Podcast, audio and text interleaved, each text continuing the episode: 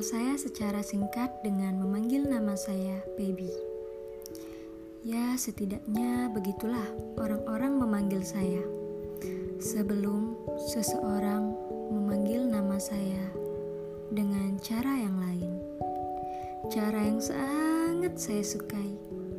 Dulu dan bahkan sangat saya rindukan hari ini. Bagaimana kabarmu hari ini, teman? Semoga baik-baik saja. Tapi tidak apa untuk menjadi tidak baik-baik saja.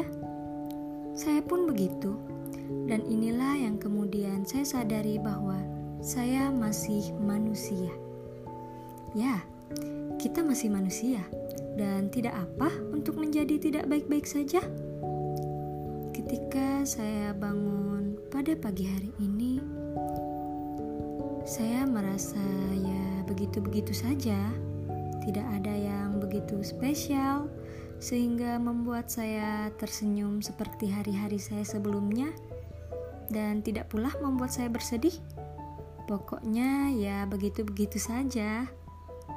Akan tetapi, waktu berlalu dan entah bagaimana ketika saya sadari saya telah kehilangan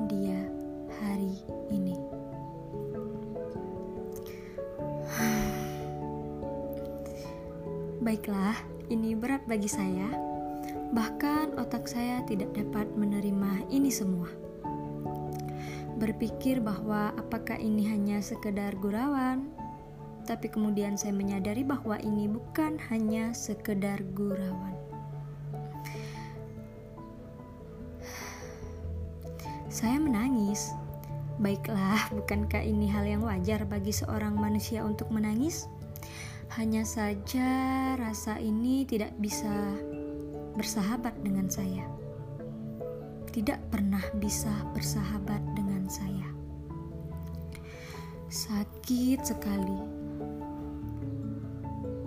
Saya merasa tidak bisa menerima ini semua. Ini terlalu mendadak, dan otak saya tidak bisa mencerna ini dengan sehat. Perasaan saya hancur seketika, dan merasa dunia saya runtuh. Iya, saya merasa dunia saya runtuh. Bodohnya saya Selama ini saya mencintai dia begitu hebat dan menjadikan dia sebagai tumpuan dunia saya.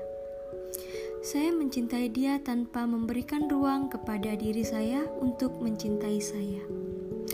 Dan kini saya berakhir di sini menangisi semua ini, semua kebodohan saya merasa dunia saya runtuh, merasa bahwa bumi tidak adil pada saya. Banyak hal di kepala saya, dan saya tidak menyukai semua hal itu. Tidak ada satupun yang saya sukai dari isi pikiran saya hari ini. Saya jatuh, saya sakit, dan saya butuh bantuan.